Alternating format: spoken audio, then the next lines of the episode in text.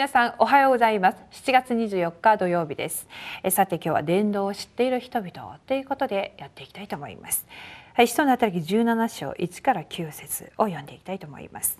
はい。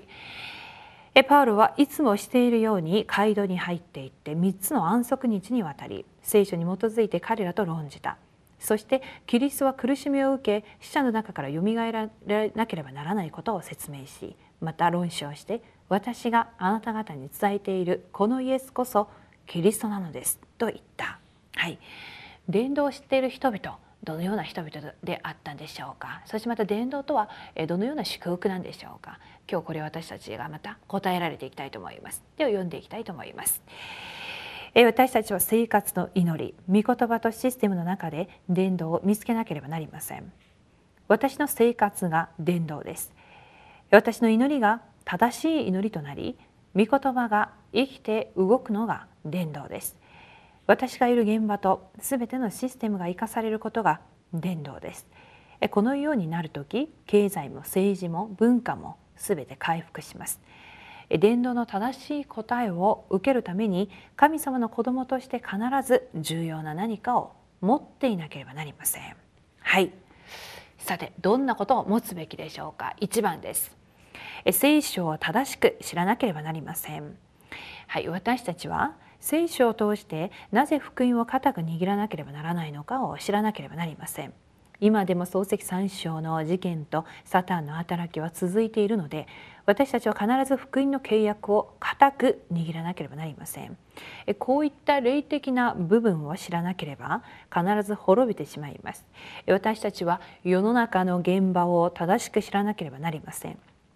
今でも世の中では聖書に出てくることが起こっています。そのためなぜ福音を握り時代的な契約を握り利面契約を握らなければならないのかを知らなければなりません。はい。聖書66巻。これは全てイエスがキリストである救いを中心に記録されてまた多くの証人がまた本当に霊的な神からの力を通してまた精霊に満たされて記録された書物であります。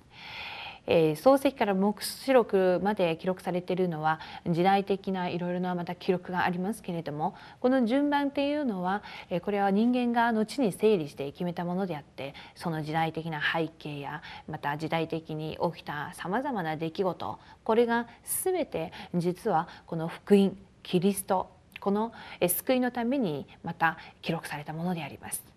その御言葉はですね神様が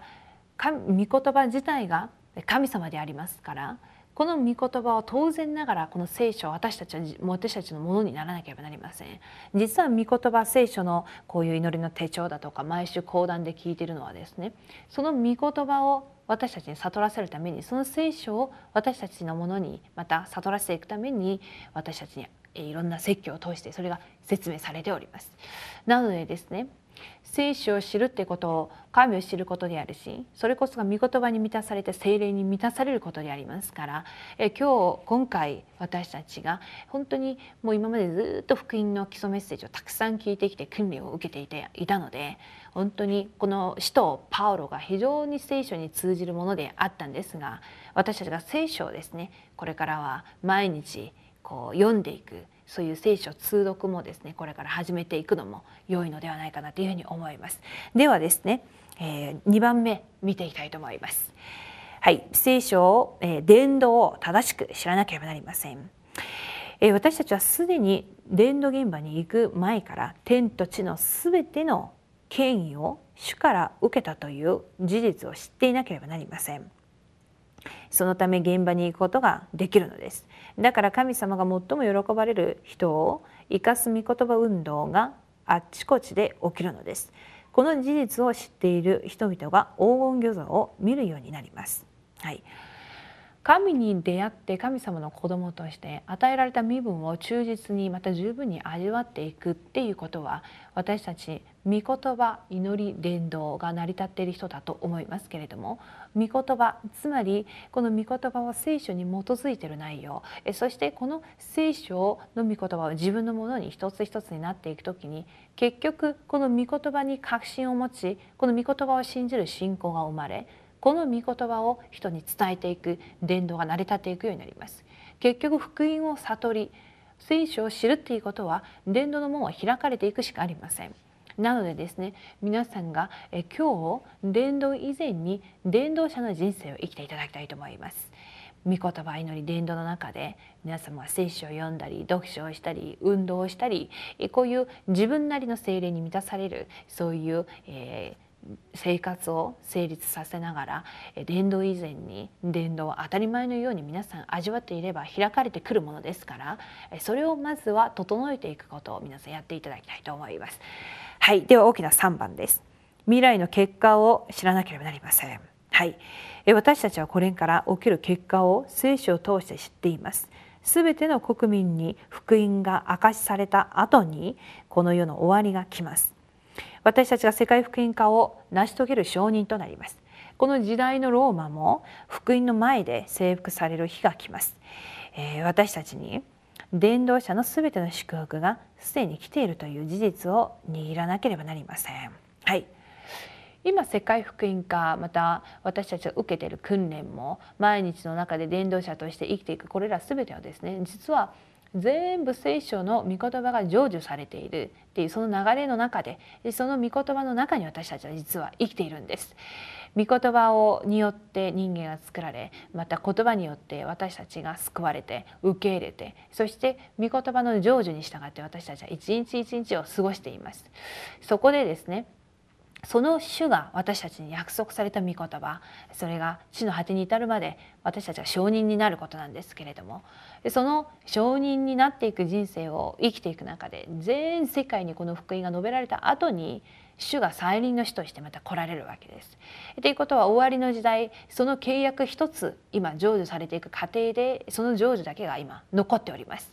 えそんな中で大きな絵を通してこの世界福音化を見ていた時にですねだから今日という一日がとても重要だと思います。今日という一日を皆さん御言葉成就される御言葉を皆さん握ってその御言葉の中で皆さん黙想して遊んでまた祈っていろんなことをやってみてください。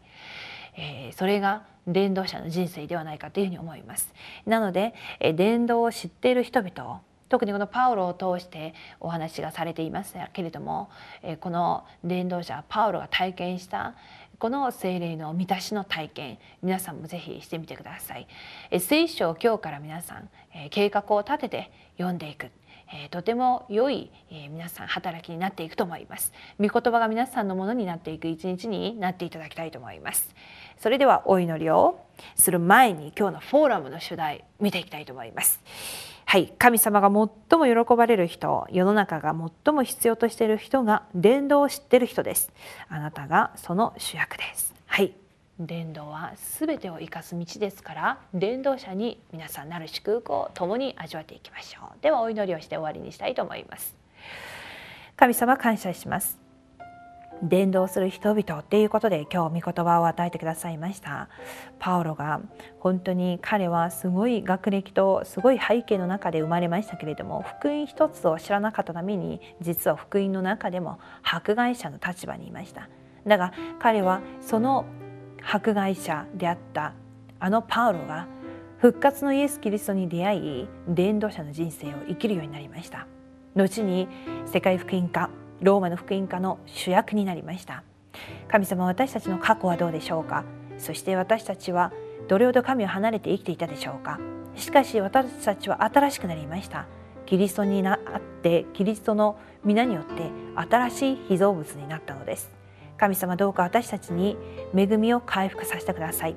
パウルが伝道者として生きるようになったその背景と土台を見て私たちも共に学んできました。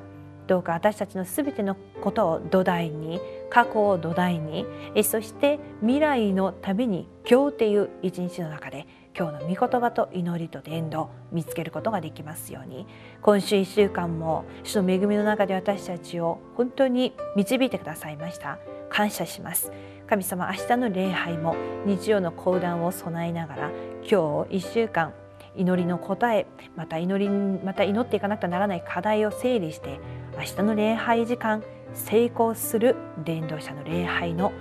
時を迎えるように願います。すべてを感謝して主イエスキリストの皆によってお祈りします。アーメン。